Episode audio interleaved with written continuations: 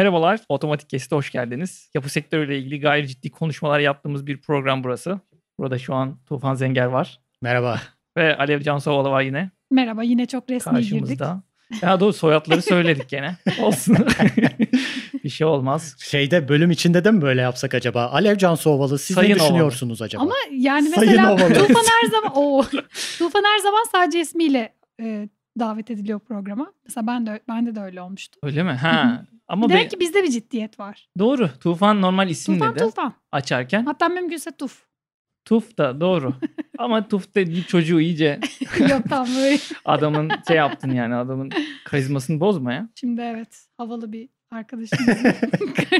Evet bayram demiyoruz, seyran demiyoruz. Burada bölümümüzü yapıyoruz. Kurban Bayramı haftasındayız. Ne kestin bu bayram Tufan deyip sana topu atayım. Ben bu bayram maalesef bir şey kesemedim ama sağ ol misafirlik ediyorsun. Kavurmanı yedik biraz önce. Kavurmamı yok ya yalan. Tamamen yalan. Kavurma Benden habersiz kavurma mı yediniz yok şu yok an? Beyza'nın yaşadığı bir evde kavurma değil et yani hiç giremez. Bir vejetaryen işi olarak Aa, ne yazık ki böyle işler olamıyor biliyorsunuz ama etin kokusuna tahammül yok ya.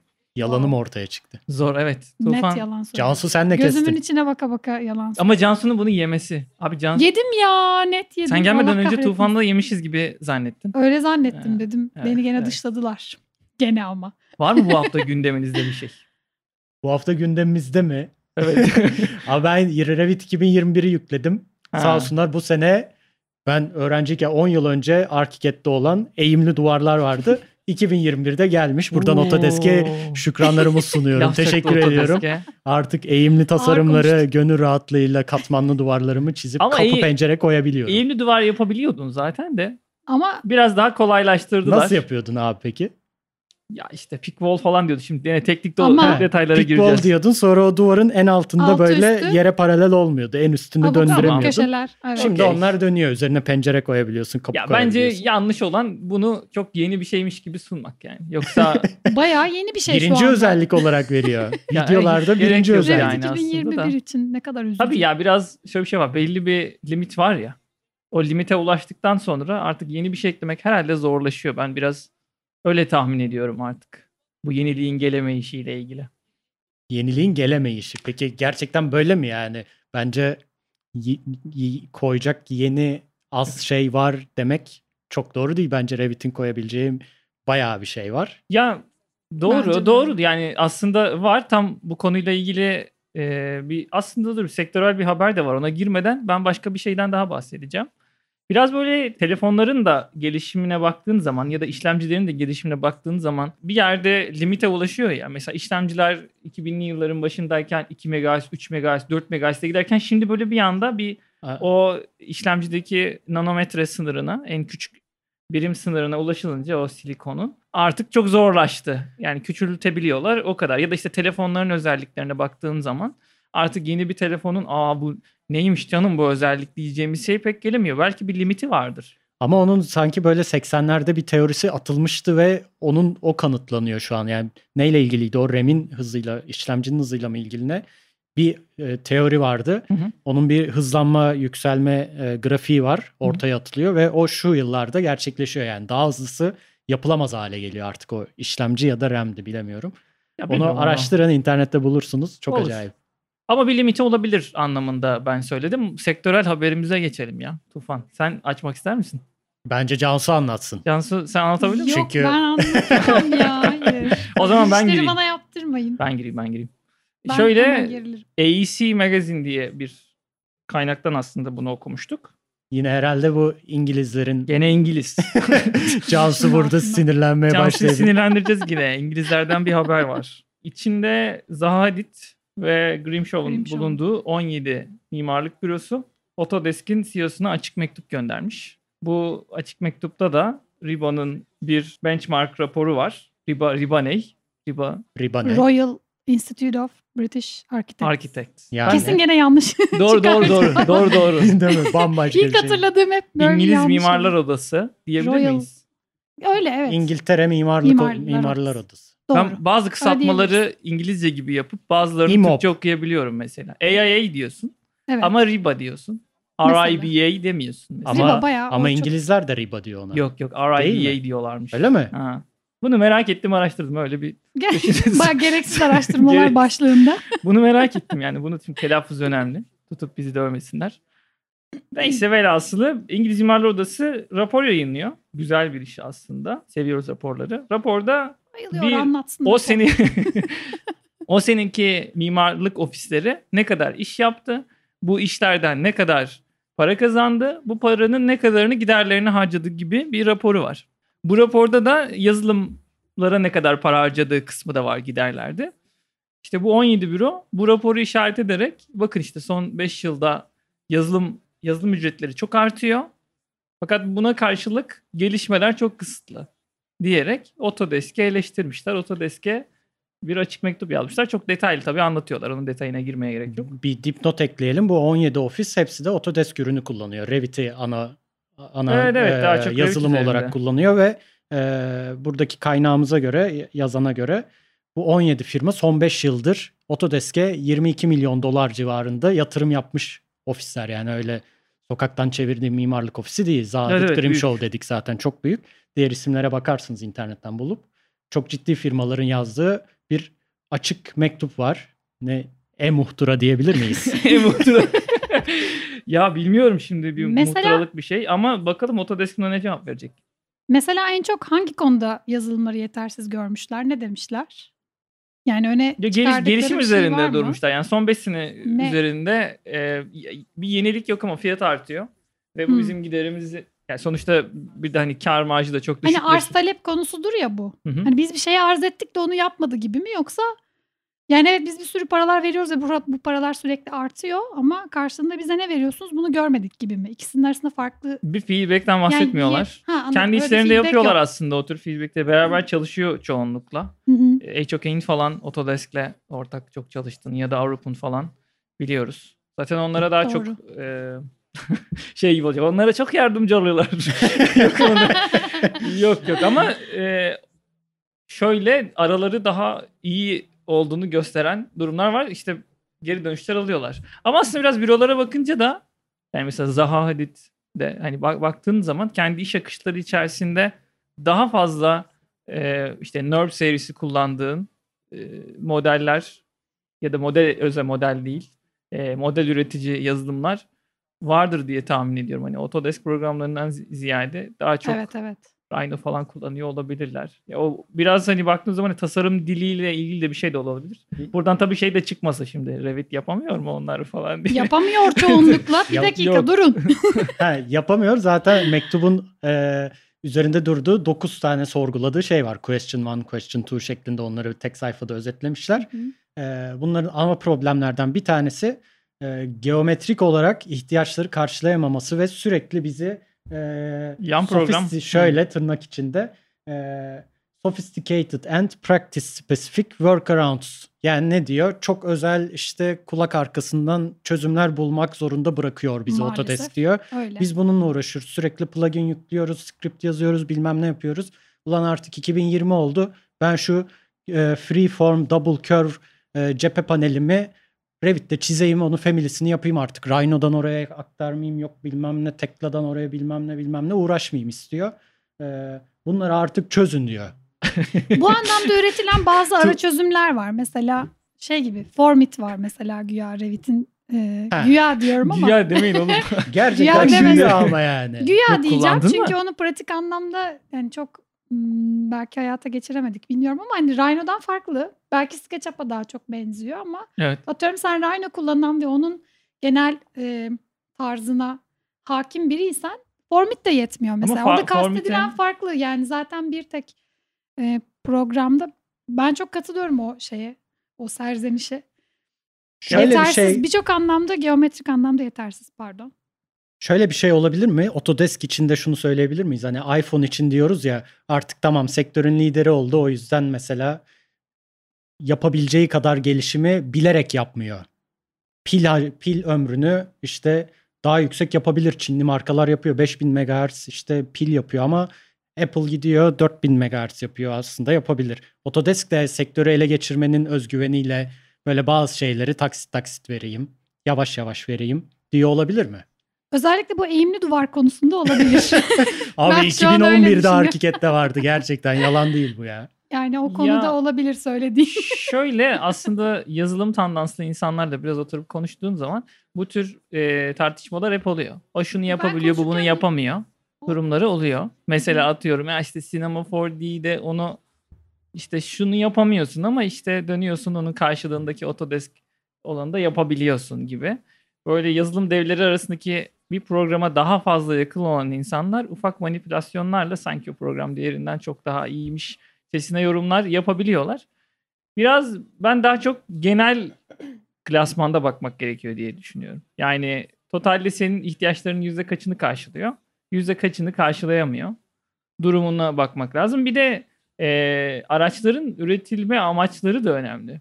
Yani gerçekten çok aşırı kompleks bir tasarımı yapmaya niyetli programlar aslında endüstriyel tasarım programları haline geliyor. İşte Maya'dır ya, ya da işte diğer endüstriyel tasarım programı deyip Maya demek yanlış oldu. Maya değil çünkü. Ee, neydi? Fusion'dı galiba. Fusion değil mi? 3D Max olur. Fusion, Fusion olması lazım. Fusion olur. Ya da işte atıyorum karakter animasyonu yapacaksın. Benim o karakter animasyonu yaparken o karakterin suratındaki sivilceyi ben Revit'le güzel yapamıyorum dersen saçma olabiliyor. Tabii ki onu demek istemiyorsunuz. Onu anladım. kesinlikle Yok, o yok. değil. Onu, onu anladım. Onu Şu anladım. an sen Anladım, manipüle anladım. Bile bile ediyorsun. yapıyorum.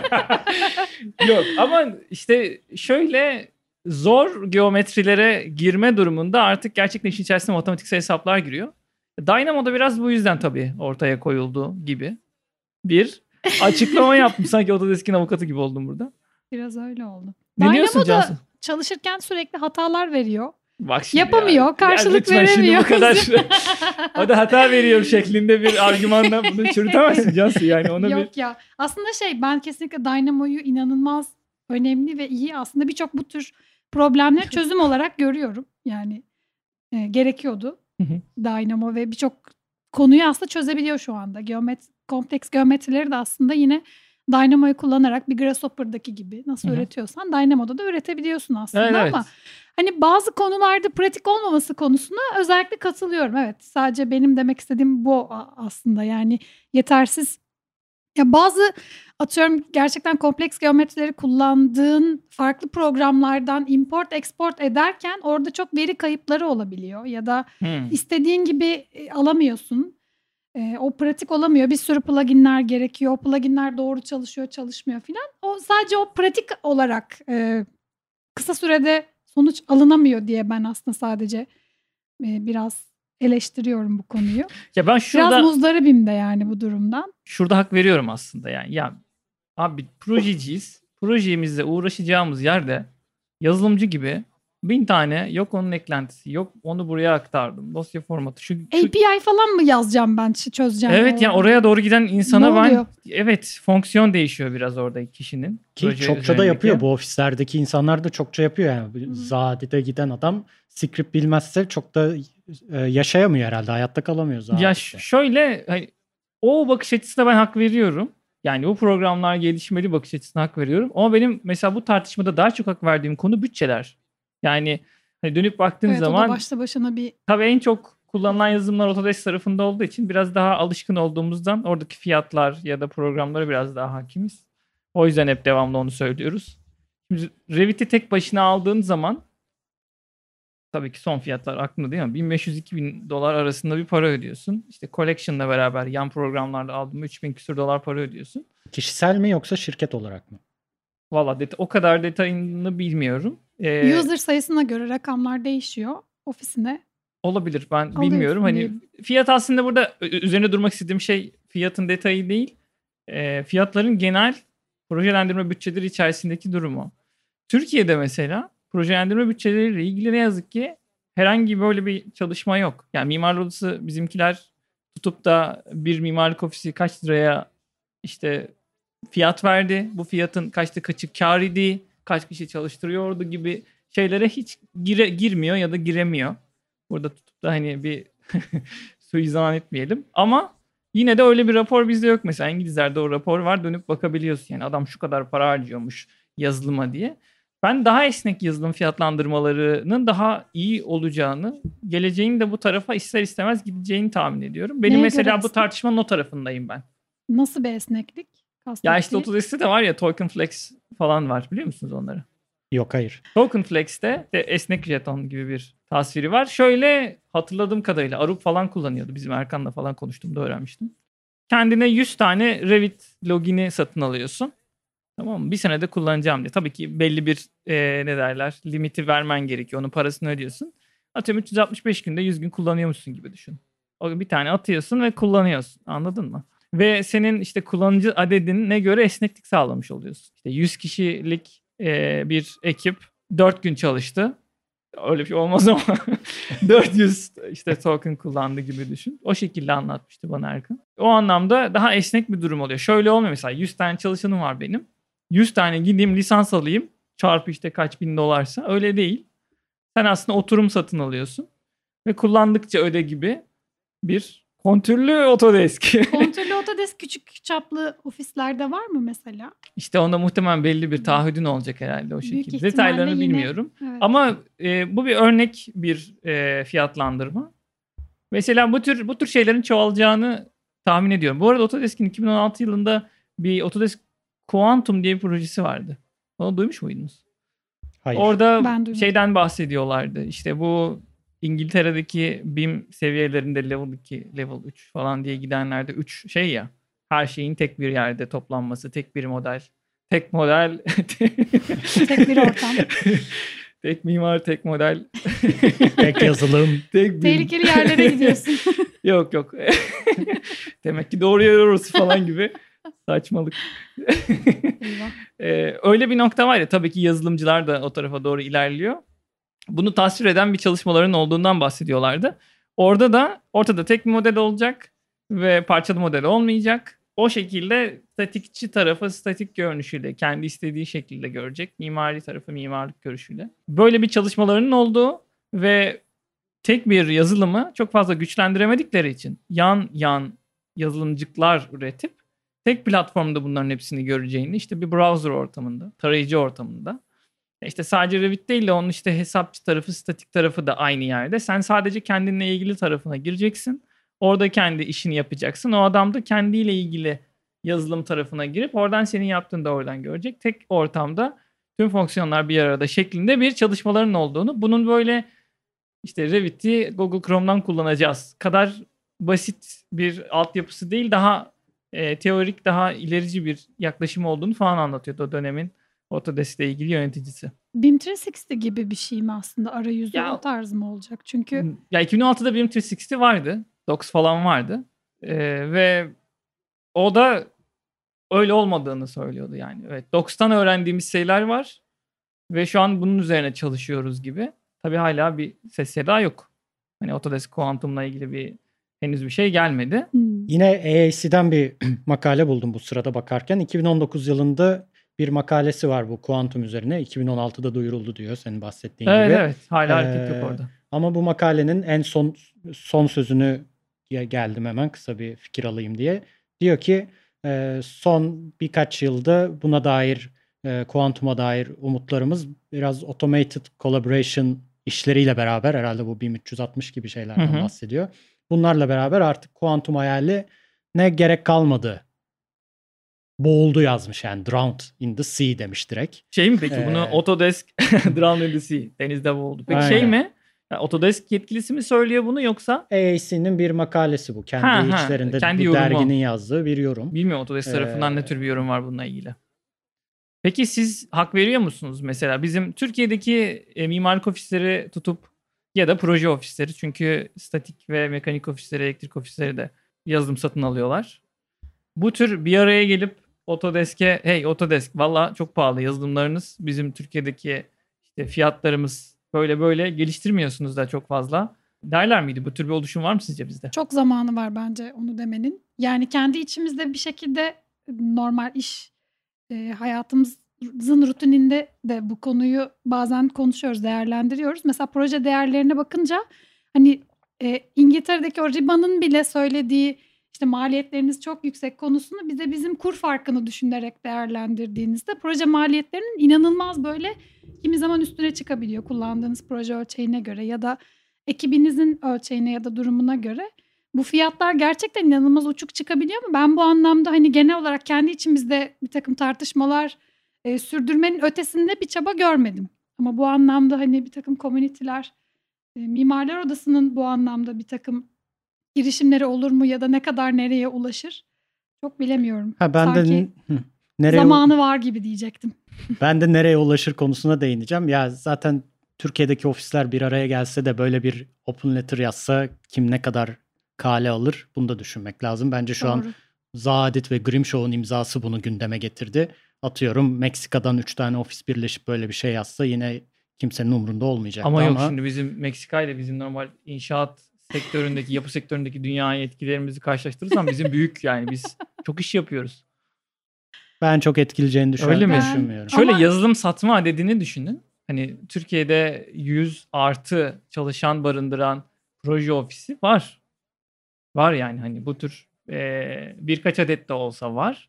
E, daha 50 artı 20 artı 10 artı ofislere gittiğin zaman normal sektörde çalışan işte projeci sayısına baktığın zaman e, gerçekten büyük dünya ülkeleriyle yarışır miktarda çok fazla çalışan var. Bu hepsi tabii ki lisans alıyor mu almıyor mu o başka bir şey ama Konu çalışanların olması ya da kapasitenin Şeyi- olup olmaması değil. Yo yo ben şunu demek istiyorum. Yazılımcının normal lisans potansiyeli anlamında baktığın zaman bence etkili yani hani Türkiye'nin durumu. Peki Türkiye'nin e, Autodesk'e yaptığı yatırım veya başka e, yazılım firmalarına yaptığı yatırıma dair bir rapor var mıdır? Bulabilir miyiz öyle bir şey? Çünkü burada yazıyor ya biz 17 tane İngiliz Hı hı. mimarlık tasarım ofisiyiz ve son 5 yılda 22 milyon dolar Autodesk'e yatırım yaptık ve bunu söyleme hakkını kendimizde görüyoruz Ha, evet. diyor. Türkiye'de var mı böyle bir şey? Tabii o tür bir şey yok. Bir çalışma yok. Bir de genelde biliyorsun bizim bizim iş yapış şeklimiz daha farklı. Biz giz- gizli tutuyoruz genelde verileri. Yani açık şeffaflık Veri- anlamında. Evet, veriler belli bir ortama bizde yüklenmiyor. Bir de iş yapış şekli anlamında da biraz daha farklıyız. Yani biz aşamasal anlamda projelere yaklaşım şeklimiz de biraz daha farklı. Hani dönüyorsun bakıyorsun adamlar İngiltere tarafında da e, bir projeyi yaparken şöyle yapacaksın, böyle yapacaksın diye bayağı üzerine kafa yoruyorlar. Mesela İngilizlerin şey vardır. İşte Plan of Work diye bir dokümanları var. Hocam İngiliz İngiliz diyorsun. Cansu yine sinirlenecek. Deminden beri girmeye çalışıyorum. haber giremedim. oradan çıktı. Haber oradan çıktığı için oraya denk geldik. Tamam en çok onlar yapıyor. En Haftaya- güzelini onlar yapıyor Gülis'cim. Hafta İngiliz demeyeceğiz tamam mı? Ne İngilizmiş kardeşim? Ne ribaymış ya? He? Cemiyetler. Ne şey cem- Benimkiymiş. zararlı cemiyetler. Zararlı cemiyetler. Riba. ya şöyle bak, bak aslında konu oradan şeye gelebilir. Bu, bugünün de biraz konusuna gelebilir. Ee, normal iş yapış şeklimiz de bizim o kadar şeffaf değil yani. Normalde biz Tam onu diyecektim. Her ofisin kendi şeyi yok. mi demek istiyorsun? Her ofisin kendi bir iş yol aşamaları, işi. ofis, işveren Kültürle de çok alakası var. Bizde hiçbir zaman yani sadece daha ofiste karambol. değil. Evet evet genel olarak hem öncesi de projelendirme öncesi de projelendirme esnasında da projelendirmenin sonrasındaki raporlamaları da düşündüğünde süreçler hiçbir zaman transparan olmadı. Doğru veriler aktarılmadı. Veriler hep kendine saklandı. Hmm, Ee, proje aşamalarında dahi diyorsun. Böyle sıkıntılar var. Var. Mesela İngiltere'de neymiş? 2020'de son versiyonunu paylaşmışlar. Yine İngiltere'de. Plan of Work'ü mü diyorsun? Bayılıyor. Plan of Work. İngiltere. 8 tane aşama var bir yapı, yapı elemanına dair. Riba'nın yine yayınladığı. İngilizce orijinaliyle söyleyeyim. 1. Strategic Definition. 2. Preparation and Briefing. 3. Concept Design. 4. Special Coordination. Bu yepyeni bir şey. Buna değiniriz. 5. Technical Design. 6. Manufacturing and Construction. 7. Handover. 8 de Use diyor artık kullanıma başlıyor. Ya şöyle aslında normal bizi gene dinleyen insanların hepsinin yapı sektöründe olmaması vesilesiyle bir aslında şöyle ufaltabiliriz. Normalde bir bina ya da işte yapının yapılmasına niyetlenildiği zaman o proje hatta son, sonuna kadar giden aşamaları kendi uzmanlığıyla ilgili alanlar daha çok alt birimlere bölüyor. İşte projeciler proje kısmını daha çok alt birimlere bölüyor da yap, işte yapan kişiler de yapma kısımlarını daha alt birimlerini bölüyorlar. Ama genel itibariyle bu tür işte otoritelerin, dokümanların da hep bir üst başlık anlamında hiç projeye başlamadan önce bunu yaptırmaya niyetlenen adamın kafasındakilerine dair bir aşama. Projenin aşamaları, yapılması ve kullanılması gibi aslında dört tane üst başlık diyebiliriz. Ama aslında bu işin en civcivli yanı bu şey kısmı. e, tasarım aşamaları kısmı. Çünkü orada gerçekten ben bir param var benim cebimde. Yani sokaktan geçen insanın da çok bilmese de kulağına bu bilgiyi azıcık soktuğumuz zaman işine yarayacak bilgiler bunlar. Ya bir binanın tasarımı kaç aşamadan oluşuyor durumu aslında çok önemli bir şey. Biz mesela bunları çok birbirine sokuşturuyoruz normal. Türkiye'de, Türkiye'de. evet ya bu oluyor ama dönüp baktığın zaman hani mesela İngilizler de diyor ki şu aşamada bunu yapacaksın. Bu aşamada da bunu yapacaksın diyor. Gideceksin şundan şu bilgiyi alacaksın. E, işverenine burada soracaksın. Bu tamam mı diye. Sen onaylayacaksın. Devam edeceksin gibi. Aslında biz Türkiye'de de burada şimdi o az önce bahsettiğin İngilizce terimlerin çok benzerlerini kullanıyoruz ama Amerikanlarınkine biraz daha benzerini kullanıyoruz.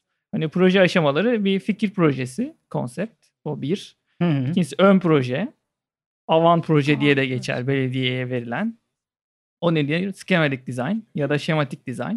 SD. diye. Konsept tasarım da diyebiliriz. Diyemez miyiz? Yok yok konsepti ayırıyor. Konsept Ayrıydı. konsept 1. 2 SD yani ön proje, avan proje. 3 DD Design Development, Develop Design ya da işte, İşte e, bu kesim İngiltere'nin proje. şimdi Special Technical. Coordination'a çevirdiği İngilizler şey. ona evet Hmm. special Special yani Art Technical da var galiba. technical üç- dördüncü yani Ya ama u- u- Design Development dahilinde yine bence o.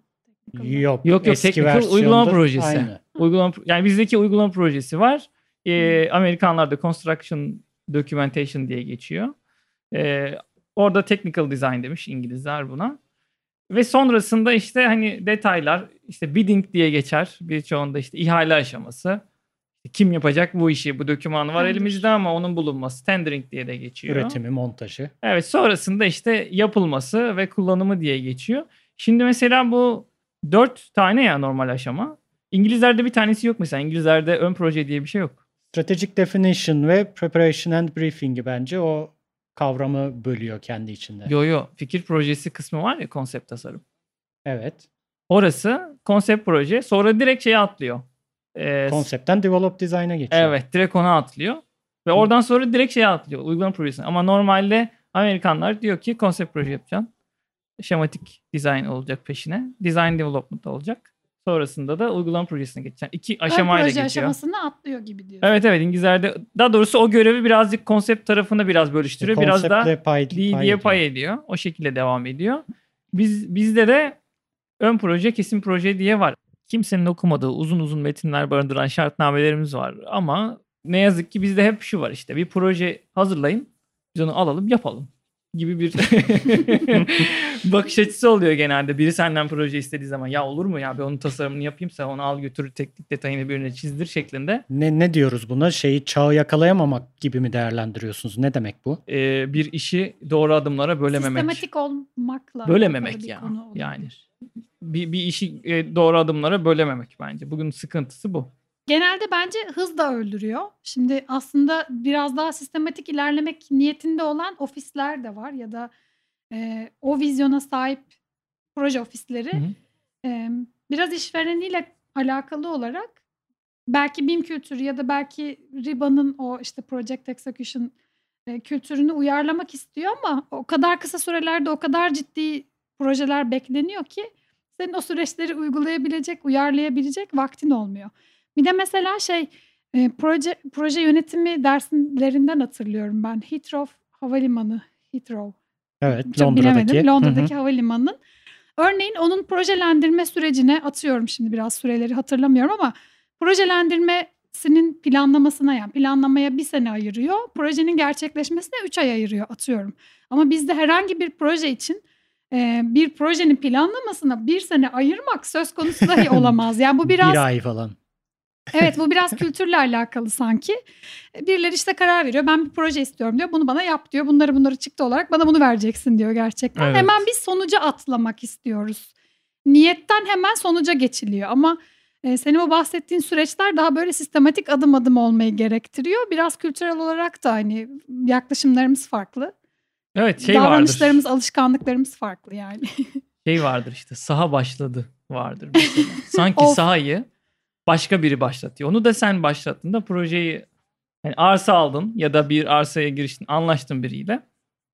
Yani buna giriştiğin anda bana bir anda döküman yarat ve ben hemen Betonu döküyoruz gönder statiği şeklinde böyle. Evet, evet. Sen o sırada şema çiziyorsun daha. Sen Şey- daha tasarımını bitirememişsin. Şey Arsaya vardır. buradan gireceğiz falan o konulardasın, o kararlardasın. Ama adam diyor ki sahadan arıyor ben betonu döküyorum diyor hadi gönder. Temeli önden gönderelim vardır. Ee, yaşadık bunları hep. Kanayan yaralarımız var. Hala var tabii. Var tabii. oluyor. Fakat işte diyorum ya, sanki o o diğer erki kendi kontrol etmiyormuş gibi de konuşurlar genelde onlar. Nasıl yani hangi erkek? Hiç Ya haberi sanki yokmuş evet gibi. yani sanki o taraf Ha. bu adamın değilmiş gibi yani biraz geç başlat ona. Buraya daha çok çalış. Betonu Burada döken gör. kim gerçekten? Sanki uzaylılar yapıyor onu da yani bu buna gelmişler demişler ki bak eğer şu an bedavaya yapacağız eğer projeyi bize verirsin. Aynı da fark yok yani o aşamaya oturtmak lazım. Ama tabii zaman eşittir para durumunu çok yanlış anlıyoruz bence. Ya çünkü her şeyi bölmen gerekiyor. Yoksa sonuca düzgün ula- ulaşamıyorsun. Şey vardır. e, ben ilk ilk onu gördüğümde çok hoşuma gitmişti. 1969'da Ay'a gidiliyor ya hocam. Evet. Aynen. 2009'da 40. yılını kutlarken bir tane internet sitesi yaptılar. Orada da işte aynı vakitte, aynı saatte işte o Meki'yi beklettiler. Apollo 11 miydi? Beklettiler onu. İşte tam aynı saatte o hareket etti ve aynı e, yani 40 sene önce aynı vakitte çekilmiş kayıtları şunları bunları orada yayınladılar. Çok güzel. Ben takip etmiştim onu. 2009 senesinde. Şimdi 51. senesi. E, orada planı direkt açmışlardı internet sitesinde. İşte stage 1 hareket. Stage 2 işte atmosferden çıkış. Stage 3 aya doğru yönlenme. Stage 4 ayın işte bilmem nesine giriş. iniş tekrar dönüş. İşte yukarı çıkacak bir daha geri dönecek. Böyle aşama aşama her bir misyonun e, özel görevleri var. Ve böyle adım adım hepsini gösterip oradan takip ediyordun. Orada biraz insana gerçekten ciddi bir şey yapmak istiyorsan bunu adımları çok iyi bölmen gerekiyor. Bunun şakalarını boşuna yapmadılar. Türkler uzaya gidiyor bilmem ne 90'larda yükseldi Cem Yılmaz falan. Bir bildiği var ki yapıyor yani. Çünkü Türklerin eline emanet etsen bunu da inşaat gibi yapıverirler. Daha iyi kalkamadan patlar gider araç. Ya yani. tez canlıyız, çalışkanız. O anlamda e, Sonuç odaklıyız. so- fazla Sonuç, sonuç, odaklıyız. odaklıyız. Yani. O yüzden de tasarıma Evet. değer, değer verilmiyor o sürece. Çünkü masa başında hiçbir şey yapmıyoruz zannediliyor. Hareket var. Hemen sağda beton dökülsün ki görelim istiyorlar. Ama Günü öyle değil kurtarmanın yani. e, davranışları genelde bunlar. Günü kurta- kurtarma odaklı davranış biçimi. Ama ben hiç şey görmedim. Günün kurtarmalık hareketi mesela sahada çalışırken görmedim yani. Hep o sahadaki kişiler çok meşguldür ve yani meşguldürden kastım hep bir şeyin yetişmesi lazımdır. Ya, o asma tavanlar kapanacak. Çabuk o mekanik bilmem neleri koyun oraya işte. Kanalları e, Günü koyun ya kurtarmaktan da kastettiklerimiz farklı olabilir edeceğiz. mi şu anda? ne anlamda? Yani planlamak geleceğe dair bir davranış biçimidir ya. Ha, Hani ha. adım adım gidersin ama e, sahadalar betonu döküyoruz gönderin kalıp planlarını falan demek de bugünü kurtarmaya dair bir şeydir. Sen Anladım. çok başka bir konudan galiba Kendini o durumun içine sokuyorsun anlamında söylüyorsun sen. Sen aslında kendi kendini kurtarabilirsin. O gün deme. Yani 3 ay içerisinde Bir vereceğim deme. ya, Ya, da ya da gerçekten evet. bak yani bunun Ya da gerekliliği ne? Hı hı. Ya bu bu anlamda gerçekten başarısızız ya. Buna buna üzülüyorum ben. Sizin mesela var mı öyle anınız? SD çizerken bizden işte ne bileyim bilmem ne siparişinin adedini istediler. Ya aslında şöyle benim Kore'de e, yürüttüğüm bir projede başıma biraz daha farklı bir versiyonu gelmişti bunun. Onlarda da şöyle bir durum var. Bizim schematic design dediğimiz daha böyle ön, Ön proje, proje. dediğimiz aşamada projenin gerçek e, bedel tahminini doğru bir şekilde yapabilmen gerekiyor. Ve bu bedel tahmininin üzerine %5 onluk belki maksimum hata payı Hı hı. ekleniyor ki aslında bu inanılmaz zor bir konu. Yani şey demek istiyorum tasarım aşamasından daha ön proje aşamasına geçerken doğru bir bütçe tahmini yapabilmen için senin malzeme kararlarını filan her şeyini vermiş olman, oturtmuş olman gerekiyor aslında. Ya da çok ciddi öngörüler gerektiriyor. Biz bu anlamda biraz böyle over design edilmiş gibi bir proje teslimi gerçekleştirdik. İşte burada yanlışlık bence bir- Ee, mesela orada Sen farklı devam bir kültür var. Senin belki bizdeki de benzer bir aşam benzer bir davranış biçimi var gibi ama oradaki amaç farklı. Bizdeki amaç gerçekten bir an önce inşa edelim, yapalım filan gibi. Onlardaki amaç da biz bir planlama yapıyoruz. Kentsel ölçekte bir planlama yapıyoruz. 2021'in planını şimdiden görelim. Gerçekten o, o projeye biz ne kadar bütçe ayıracağız? Bunu en başından görelim. Daha tasarım aşamasında biz bütün her şeyi bilelim. Ee, yaklaşımı aslında. Bu da farklı. İyi bir şey değil mi kendini garantiye almak? Biraz iyi bir şey ama o zaman e, bizim yaşadığımız sıkıntı şuydu. O o kadar kısa süreçte bunun bu sonucun çıkarılması çok mümkün görünmüyordu açıkçası. Hı, Onların da eksisi o şeyi. O eksi oydu, e, evet. Yoksa bence de çok doğru mantıklı. ayarlayamıyorlar. Evet. Yani atıyorum buna bir ay ayır- ayırıyorsun ama asıl bu teknik çizimlerin üretilmesine dört ay ayırıyorsun diyelim ki. Hani bunun tam tersi olması gerekiyordu gerçekten eğer e, ileriye yönelik bir bütçesel tahmin yapacaksan ve bunu tutturmak zorundaysan bir de bununla tutturmakla yükümlü tutuluyor paydaşlar. Bu da çok önemli bir şey.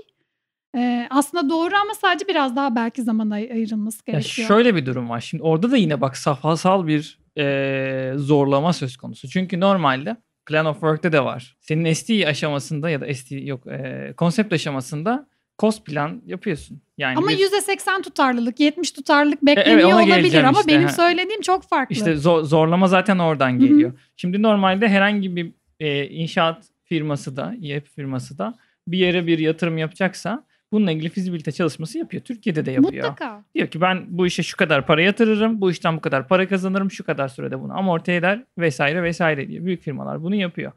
Ee, daha ufak müteahhitler de diyor ki bunu 500'e yapsam, daireleri toplam 1 milyon satsam 500 cebime kalır diyor. Gene yapıyor. Yine kafasında var.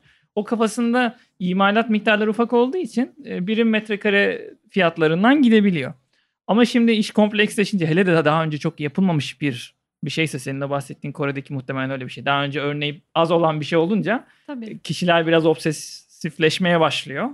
Ve bu tahmini son imalattan çıkarayım. Kaç metrekare seramik var oradan hesap edeyim de oradan yapma. O çok zor işte. Biz İşte onu zaten yanlış aslında- Yani. Aslında oradaki yanlış şurada ya buna bir birim metrekare fiyat bi- biçmen lazım. Üzerine artı koyman lazım ve o kadar detaylı görebilirsin. Bu şey gibi ya.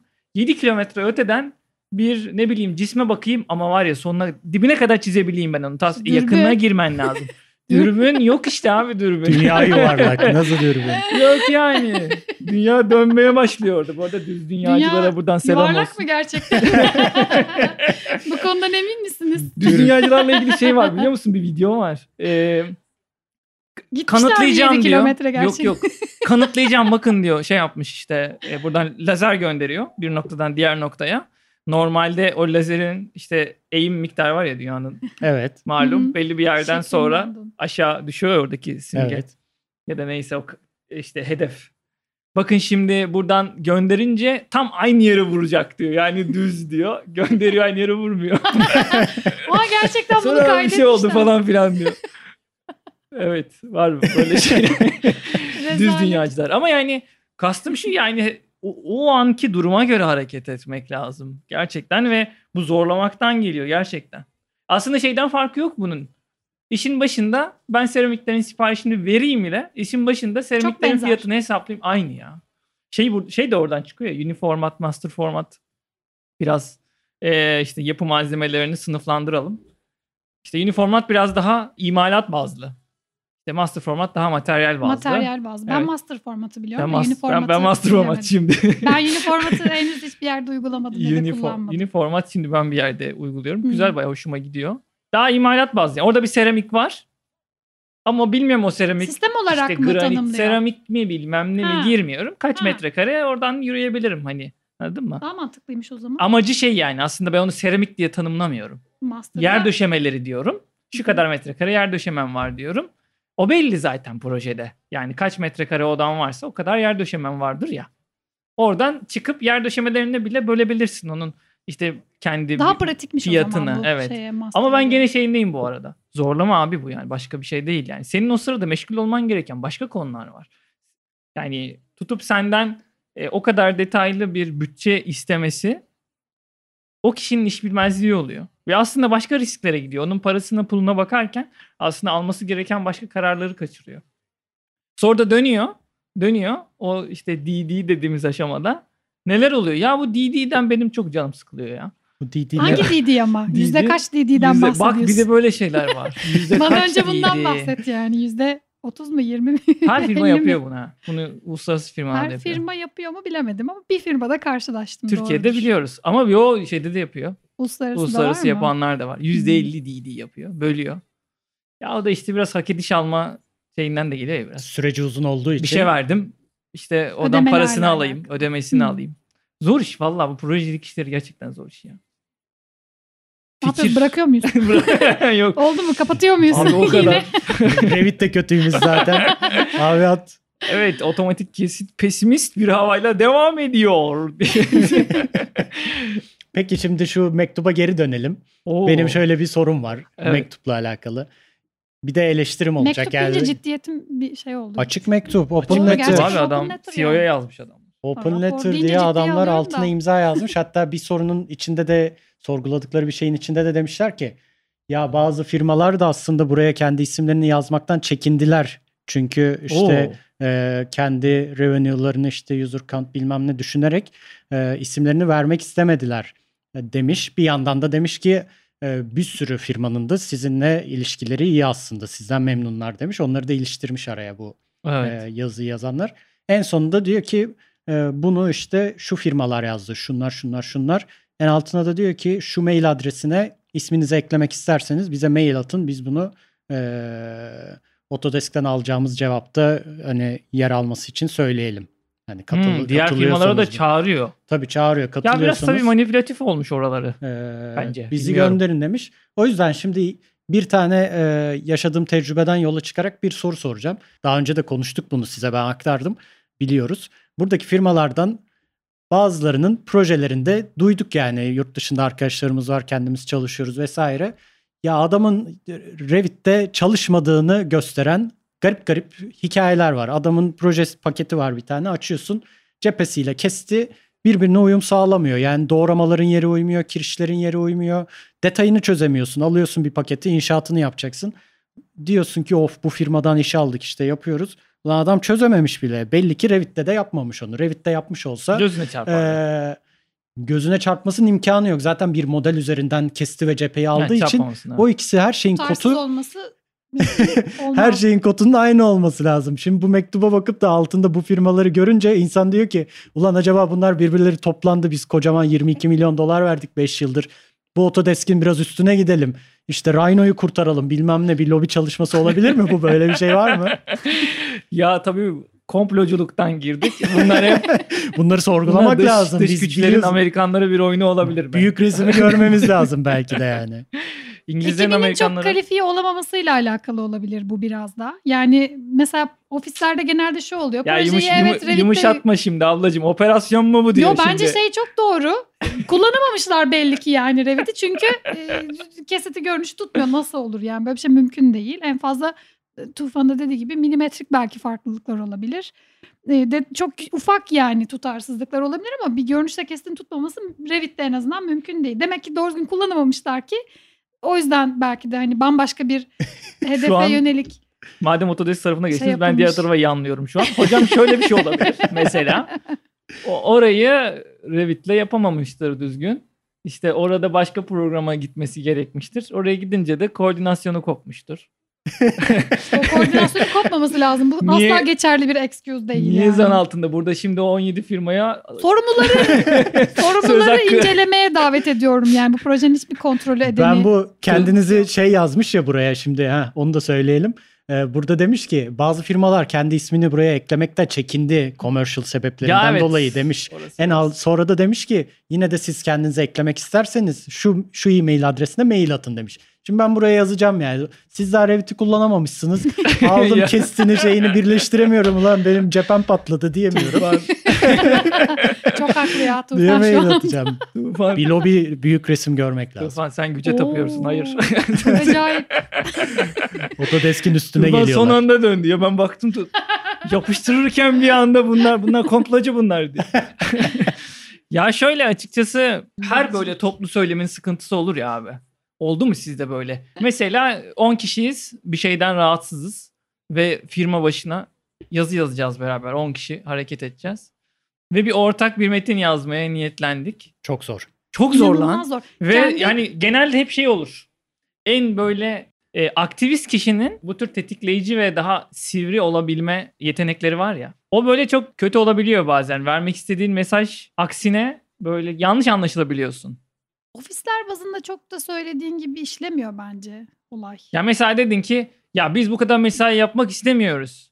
De- de- Bunu demek ofisin istiyorsun. kendisi mi diyor? Yok yok 10 kişi biz yazacağız artık yeter bunu biz İşte ya yazacağız tam ben onu dedi. diyecektim. Daha O, sen o tetikleyen adam şeyi de ekliyor. Zaten çok da para kazanıyorsunuz falan diyor. Mesela yerle bir oluyor senin oradaki o bütün kurduğun Harbiden. kompozisyon yerle bir oluyor. Şimdi burada da biraz sanki zedelemiş söylemlerin yani. E ne gereği var canım şimdi biz de bazıları da katılamadı korktuğundan Autodesk'ten falan demek. Ya belki de bu sadece bir açık biraz çağrıdır bence. bilemiyorum. Yani hani kendileri 17 ofis olarak toparlanabilmişler ama bizim de sesimize ortak olmak isteyenler varsa onlar da gelsin diye çağrı da olabilir. Hemen komploculuk şeyini sürdürmeyin hocam ne yapıyorsunuz Niye bunları ya? da düşünmek lazım ya? Tabii abi hiçbir Yani şey doğru. göründüğü gibi değildir Cansu. Kartlar yine mi dağıtılıyor? kartlar İngiltere'de kartlar yine yeniden dağıtılıyor. Bak İngiltere'de hep o çalışan İngiltere'nin başından çıkıyor Yine bu işler. İnşallah bir gün İngiltere'de çalışan bir arkadaşımız şu koronalar bitsin bilmem ne burada yakalarsak bir onların görüşünü alalım. Evet, Revit'te onlardan neler da- oluyor, İngiltere'de neler oluyor diye. Konuk alırız.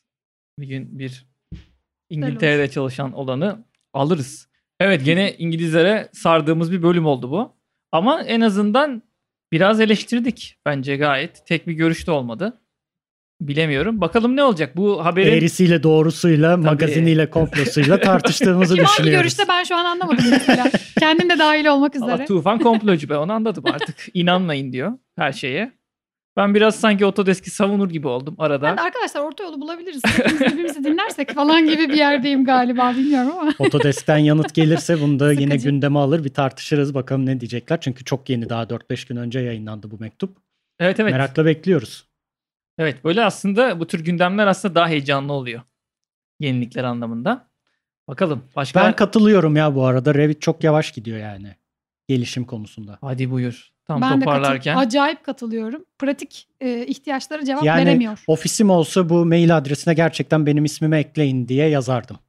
Artı bir. Ha biraz kendinize gelin. Acık biraz ya bunun fiyatını biraz daha düşürün. Çünkü buna e, Yo fiyatını düşürmesin. Ben bir hizmet satın alıyorum. O hizmet doğru düzgün gelsin yani. Yakalasın şöyle. Mantıklı. şunu diyeceğim. Arge maliyetidir ya normalde. Doğru. Hani ben buna çok çalıştırıyorum. Bu kadar adam çalıştırıyorum yazılım. E bu yazılım geçen senekiyle aynı. Sen bir de tuttun. Bunun e, artık kalıcı da satın alamıyorum. Her sene bana para vereceksin diyorsun. Abonelikli sisteme falan filan geçtin. Ya madem bunu o kadar geliştirmiyorsan da biraz parasını azıcık düşür. Yani bu iyi bir şey, güzel bir program. Herkes kullanıyor. Verimli hale getir anlamında. Evet yani bu bunlara yani programlara çalışıyoruz gibi bir e, durumumuz da oluyor. Bu anlamda en azından her bir çıkış gibi her görüşün başındaki düşünceler sivridir. O anlamda bu sivrilik belki de zararlı değildir diyerekten o anlamda bir akım oluşturur mu diye diyorsunuz ha? Belki Bize de bir akım örnek oluşturur. olsa aslında. Yani ofislerin bir araya gelip bir söz söylemesi bence çok önemli. Bizde Evet. ben hiç denk gelmedim ya da çalıştığım süreç boyunca böyle bir e, Yani bölümü çok çok uzatır iyi bu ama olurdu. bu zaten şeyle ilgili bir konu. Türkiye'deki ofislerin yöneticilerin BİM'i Politik. ne kadar tanıdığına, neyi ne kadar yapıp yapamadığına hakim olmasıyla ilgili başka e, katmanlar var bu işin içinde. sosyokültürel durumumuzla da çok alakalı. Ya da- bence Türk Türkiye'deki alakalı. Türkiye'deki ofisler yazılım fiyatlarından daha önce bir araya gelip konuşmaları gereken şeyler Çok var. temelde şeyler olabilir. Çok daha önemli yani proje fiyatları var, ellerindeki yetkiler var, işverenler karşısındaki eee, bükülmeleri var. Şu an bir projeci istediğin gibi bükebiliyorsun Ama yani. 50 yıl sonrasını şu an konuşuyoruz galiba. 50 yıl mı? Bunların konuşulması bence çok uzun zaman. Ha, o Bizde. yerine gelmesini mi diyorsun? Yani ne bileyim bilmiyorum Bunların şimdi e, Neyse ben konuyu uzatmak istemedim ama. odaları kaldırmaya niyetli bir müteahhit yardıra yardıra laf edebiliyor mesela. Ben elimde olsa gücüm olsa odayı kaldırırım diyor. Şimdi burada tutup odayı savunmuyorum. Oda, odanın o da çok güzel işler yapıyor da değil ama Ya o da önce kendi internet sitesini yenilesin. Bu nedir? 2005 yılından kalma bir Kim? arayüzü var. Allah aşkına ya. Kim o? Tasarımcı insanlar O var da, o sana da. o da yardım mı? etmek Her şeyi mi diyorsun mimarlar odasına? Mimarlar Odası'nın e, sitesinden bahsediyorum. Lütfen Hmm. şunu yenileyin ya. evet e, o zaman da burada var mı daha çakacağımız biri var mı Cansu senin biri, Ben bugünlük tamamım. sen bugün yetersen sağa sola yine Abi düz atarlandığımız dünyacılara bile yükseldik bugün yeter ya. Bayram bayram bizim sinirimizi bozdular. ben Evet, tamam. Ağol'una falan yükseldim. Buradan Alakasız yerlere bir uğradık ama. Evet baya baya baya yükseldiğimiz bir program yine buradaydık. Uzun uzun konuştuk. Çok korkuyorum oğlum ben bu programın sonunda biraz şu an Autodesk'e salladık. Zaha'ya salladık. Ağol'una salladık. Mimarlar Odası'na salladık. Ya şimdi şöyle politik bir açıklama yapmamıza gerek var Duruyor, mı? devam ediyor bak bak. Dur birine daha söyleyeceğim. Dördüncü bölüme geldik artık. Hani biraz tepki almaya başlıyoruz. Dinleniyoruz sağ olsun arkadaşlarımız dinliyor. Yeni e, tanımadığımız insanlar, öğrenci arkadaşlarımız dinliyor. politik bir açıklama yapmaya gerek vardır belki. Buyur. Çünkü biz ilk bölümden beraber mimarlık tarihi hocaları dahil olmak üzere linç yemeye başladık. Burada biz biraz hani gündelik şeyleri ta- gündelik eleştiri nasıl olur onu e, simüle etmeye çalışıyoruz belki de çok böyle ciddi ciddi oturup da her şeyin doğrusunu her şeyin doğru eleştirisini yapalım derdinde değiliz. Evet, evet. E, biraz eğlence programı olarak düşünüyoruz bunu aslında. çok da şey yapmayın yani. Evet evet öyle diyoruz ama biz asıl ben şimdi gideceğim mesela Ağoğlu ile çay içeceğim. Tufan mesela gidecek şimdi mimarlar odasına. Değil mi? Kapıyı çalacak. Ne haber? Cansu Zaha'ya mesaj atacak şimdi. Ne yaptın? Ama Zaha'ya mesaj atamazsın. Aramızdan ayrıldı. Evet böyle üzücü. Allah rahmet eylesin. Evet Severiz. bu arada Zaha'ya da rahmet okuyup bu bölümün sonuna geldiğimizi bildirmek istiyorum. Adreslerimizi de söyleyeyim. otomatikkest.gmail.com'dan ne biçim konuşmuşsunuz öyle olur mu o iş öyle bildiğiniz gibi değil falan diyecekseniz buradan bize gönderebilirsiniz. Instagram adresimiz var, Twitter adresimiz var. YouTube'dayız, Google Podcast'teyiz, Podbean'deyiz. Bir sürü yerden podcastlerimizi de dinleyebilirsiniz. Ayrıca bu hafta yeni bir mecraya da eklendik. LinkedIn'e de geldik. Böyle yapı sektörü falan birer birer konuşuyoruz. LinkedIn'de niye yokuz deyip oraya da ekledik. Oradan da yine görebilirsiniz paylaşımlarımızı.